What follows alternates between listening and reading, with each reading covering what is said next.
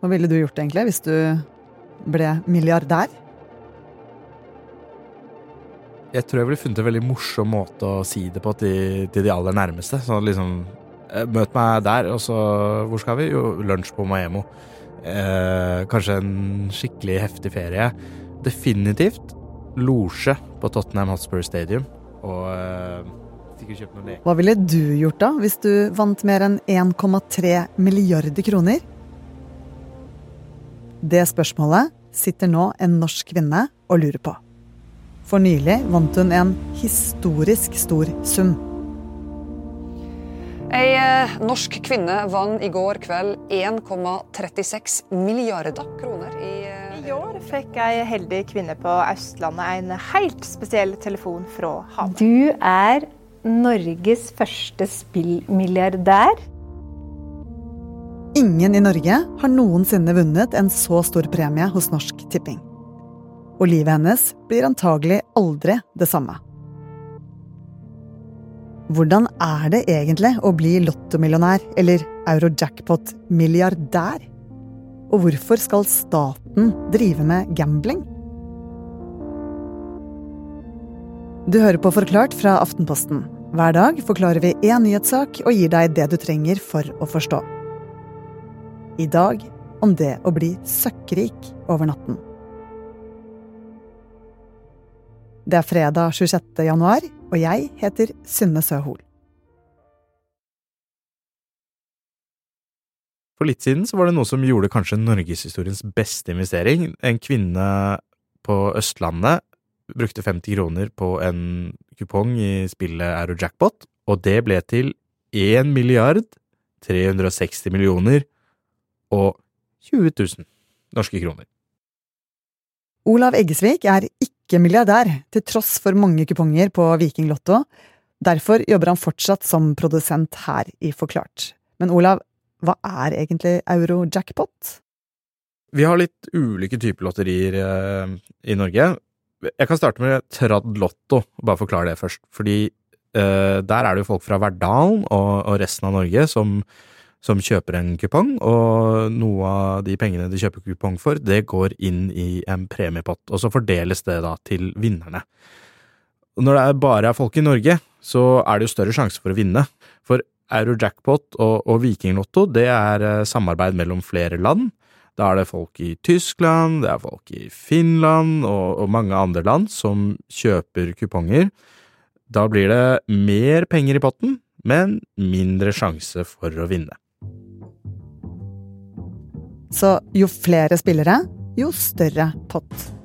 Og da den norske kvinnen fikk fem pluss to rette i euro-jackpot, så gikk alarmen i Norsk Tipping.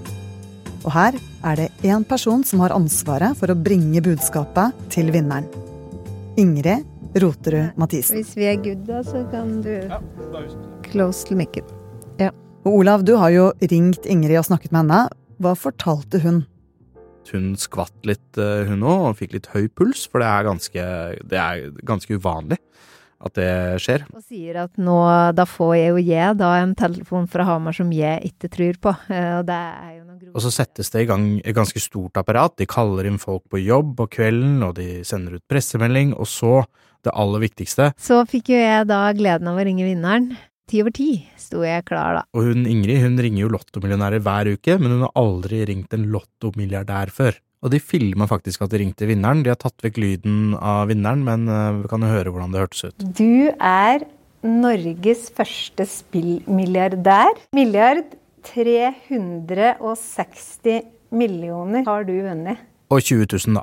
Ikke tull. Og jeg, jeg, har gjort Jeg har ringt noen sånne telefoner før, men nå har jeg hørt Hvordan reagerte hun da, Olav? Hun trodde det var tull. Det ville jo jeg også gjort hvis eh, noen ringte meg og sa jeg hadde vunnet så mye penger. Men det tar jo litt tid å, å, å innse det, for det, det, er jo en så vanvittig sum at de fleste av oss har ikke noe begrep om hvor mye penger det faktisk er. Vi lo jo begge godt når hun sitter og prater om at hun Jeg hadde lyst til å kanskje gi bort 100 millioner her og 100 millioner der, og så Men enda så har jeg jo en hel milliard att å bruke. Det er først da du begynner å skjønne hvor mye det er, da. Det er også så mye penger at hun var nødt til å få seg en bankkonto i en større bank enn det hun hadde. For hun hadde en vanlig brukskonto registrert hos oss, og det er eh, det er kanskje ikke inn dit du vil ha 1,3 milliarder. Da er det greit å eh, tenke godt gjennom det og få ordna seg en konto i en større bank, da. Alle vinnerne hos Norsk Tipping får tilbud om advokathjelp. For her står de i en ny og fremmed situasjon. Du må jo finne et eller annet sted å plassere de pengene, enten det er i et fond, på en sparekonto eller investere det i et eller annet. Eh, og så er det mange, sikkert mange spørsmål om skatt. Det er jo også noen spørsmål om sikkerhet, og også hvordan kan man gi noe av pengene til venner og familie. Så det Norsk Tipping sier, er at de vil sette vinnerne i stand til å håndtere premien på en god måte. Men hva er det folk bruker penger på, da? Norsk Tipping gjør faktisk en undersøkelse på dette her. Det må være Norges mest eksklusive spørreundersøkelse å komme med på. Den går til, til lottomillionærer, Millionærundersøkelsen. Den viser at mange betaler ned gjeld. Eh, en del kjøper et nytt hus, og hvis du, hvis du har vunnet liksom ti millioner, så er jo kanskje penga brukt opp allerede der. Eh, mange investerer i hytte. Det står en del spennende biler rundt omkring i garasjer, sa Ingrid til meg. Vinneren eh, av milliarden, hun hadde ingen planer om ny bil. I hvert fall ikke, på nåværende tidspunkt. Så, så det er ikke sånn at alle gjør det heller. Eh, en del tar eh, en fin og lang ferie, og kanskje de tar med noen venner òg. Det som er litt gøy, er at det er noen som tenker at de ikke skal endre på noe som helst. Det blir samme turen til Granca. Samme hotellet, samme standarden, bare at de kanskje kan gjøre det en gang ekstra i løpet av året, da. Andre drar til Maldivene. Så det er litt forskjellig ettersom hvor mye penger de har vunnet. Men uh, mange er veldig opptatt av å gjøre ting så likt som mulig. Men de vanvittige gevinstene fører ikke bare til masse champagne og luksusbiler. Store premier kan føre til at enda flere blir fristet til å spille. Og staten lar det skje.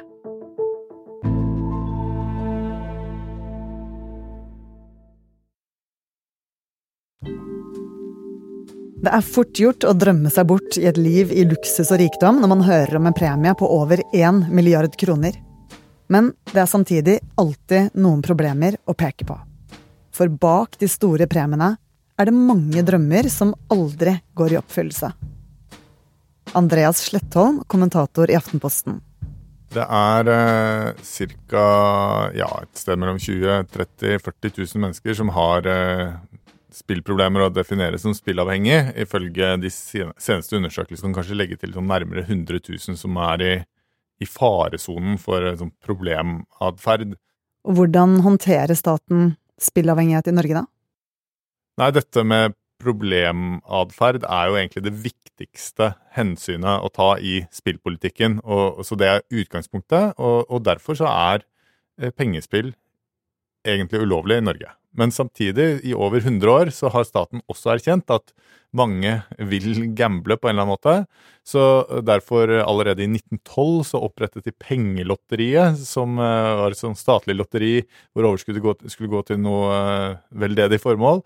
Og slik har det egentlig fortsatt. Da Norsk Tipping begynte og starta tippekupongen i 1947 eller 48, så var konseptet helt det samme. Og så har man tenkt at eh, staten skal ta seg av det aller meste av spillingen. Det som eh, har vært eh, unntaket fram til nyere tid, eh, har jo vært spilleautomatene. Husker du de blinkende og bråkete spillautomatene? De enarmede bandittene der det var om å gjøre å få tre like kirsebær eller sitroner på rad. Før 2007 var dette helt vanlig å finne i matbutikker, kafeer og barer rundt i Norge. Og her kunne folk holde på i timevis. Ja, mange av de spilleautomatene som, eh, som sto på kjøpesentre og andre steder, var åpenbart avhengighetsskapende både i utforming med, med liksom blinkende lys og, og, veldig sånn fristende design, og, og, måten spillene var lagt opp på der. da. Og de som tjente penger på det, det var veldedige organisasjoner som eh, Røde Kors og Redningsselskapet, som fikk en andel av eh, overskuddet. og Derfor var det også litt vanskelig å gjøre noe med, ikke sant? for dette har jo samfunnsnyttige formål. Men samtidig så var dette kanskje det aller mest avhengighetsskapende spillformen, da. Var det derfor automatene forsvant etter hvert? Ja, det var egentlig det. Stortinget valgte til slutt å ta grep. Først så uh, kom det et forbud mot at man kunne bruke sedler, sånn at det bare måtte bruke mynter. da. Og så fikk uh, Norsk Tipping da også enerett uh, over dette markedet. Sånn at i dag så finnes det spilleautomater, men de er i Norsk Tippings regi. Så var det tenkt en sånn veksling hvor eh, veldedige organisasjoner delvis fikk kompensert eh, dette tapet med innføring av en sånn grasrotandel eh, hos Norsk Tipping, hvor man kunne eh, øremerke en del av spillmidlene sine til sitt foretrukne veldedige eh, formål. Parallelt med dette så kom jo det, det nye store problemet, som var eh, spilling via internett. Halla! Du, Vinteren er digg hos Command.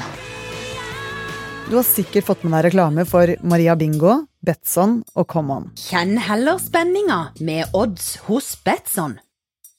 Med online-spill kunne nordmenn gamble uten å dra til utlandet. Dette utfordret jo det norske spillmonopolet til Norsk Tipping, og egentlig hele grunnsteinen i spillpolitikken. Det er det som er gøy med den spillpolitikken, at det er sånn det er 120 år da, med forskjellige utfordringer og stadig nye ting. Men det, det er liksom, strategien er alltid den samme. Det er at staten skal gjøre det. Og det skal redusere behovet for at uh, man trenger å spille andre steder. Så man må være liksom akkurat bra nok til at uh, folk ikke blir avhengig, men det skal være gøy nok til at uh, det tilfredsstiller behovet å spille. De siste årene er det blitt mye strengere. Reglene for pengespillreklame på TV er kraftig strammet inn, Reglene for bankene som formidler penger fra spillselskapene er blitt strengere. Og nå kan nettsidene til utenlandske spillselskaper bli blokkert. Noen er kritiske til statens strenge kontroll og mener at løsningen er en lisensordning. Altså, det kritikerne av den norske modellen vil ha, er jo en lisensordning hvor noen spillselskap får adgang til å tilby pengespill på det norske eh, markedet.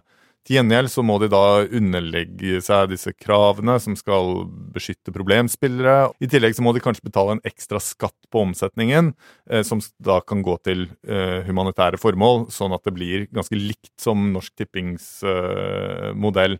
Eh, og dette hvis du sammenligner med dagens situasjon, så kan du argumentere for at dette gir da mer kontroll av den spillingen som tross alt foregår, og mer inntekter til fellesskapet.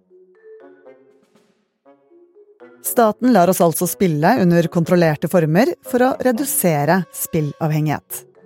Og en av de som spilte kontrollert, med en kupong på bare 50 kroner, var altså en norsk kvinne som nå sitter med 1,36 milliarder og 20 000, da. og 20 000 kroner på ny konto i ny bank.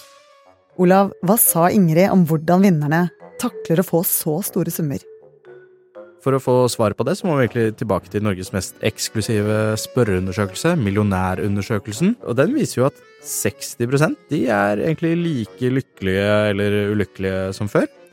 Og så har du 30% som sier at de blir lykkeligere etter premien. Og, og grunnen til det er at de har økonomisk trygghet. De, de er ikke bekymra for om de har nok penger å rutte med, de er, de er sikra. Men så er det jo noen bekymringer som kommer, eh, kommer, også, når man vinner så mye penger som hun eh, damen på Østlandet gjorde.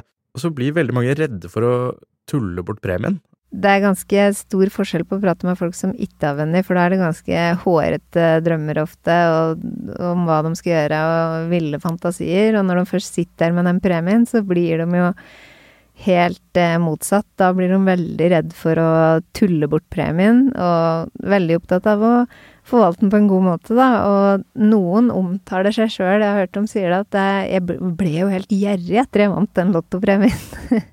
Og så sier Norsk Tipping også at de, mange har beina ganske godt planta på jorda. Det er, det er nok litt sånn jantelov ute og går. At du skal anstrenge deg litt for å leve livet så likt som du gjorde før du vant penger.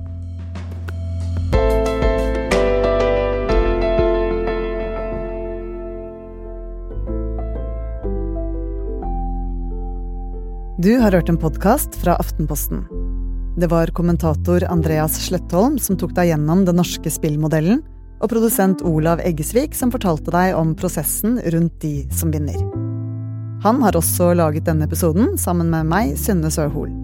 Og resten av Forklart er Fride Næss Nonstad, Heidi Akselsen, Philip A. Johannesborg, David Vekoni og Anders Weberg. Lyden du hørte, er fra Norsk Tipping, reklamer fra Maria Bingo, Betson og Common, og lyd fra NRK. Hva er det vi syns er morsomst å prate om? Alt vi scroller på, ikke sant? Og det liker vi å prate om sammen, men også med våre fantastiske gjester i Poprådet. Hver tirsdag. I Podme eller i Aftenposten-appen.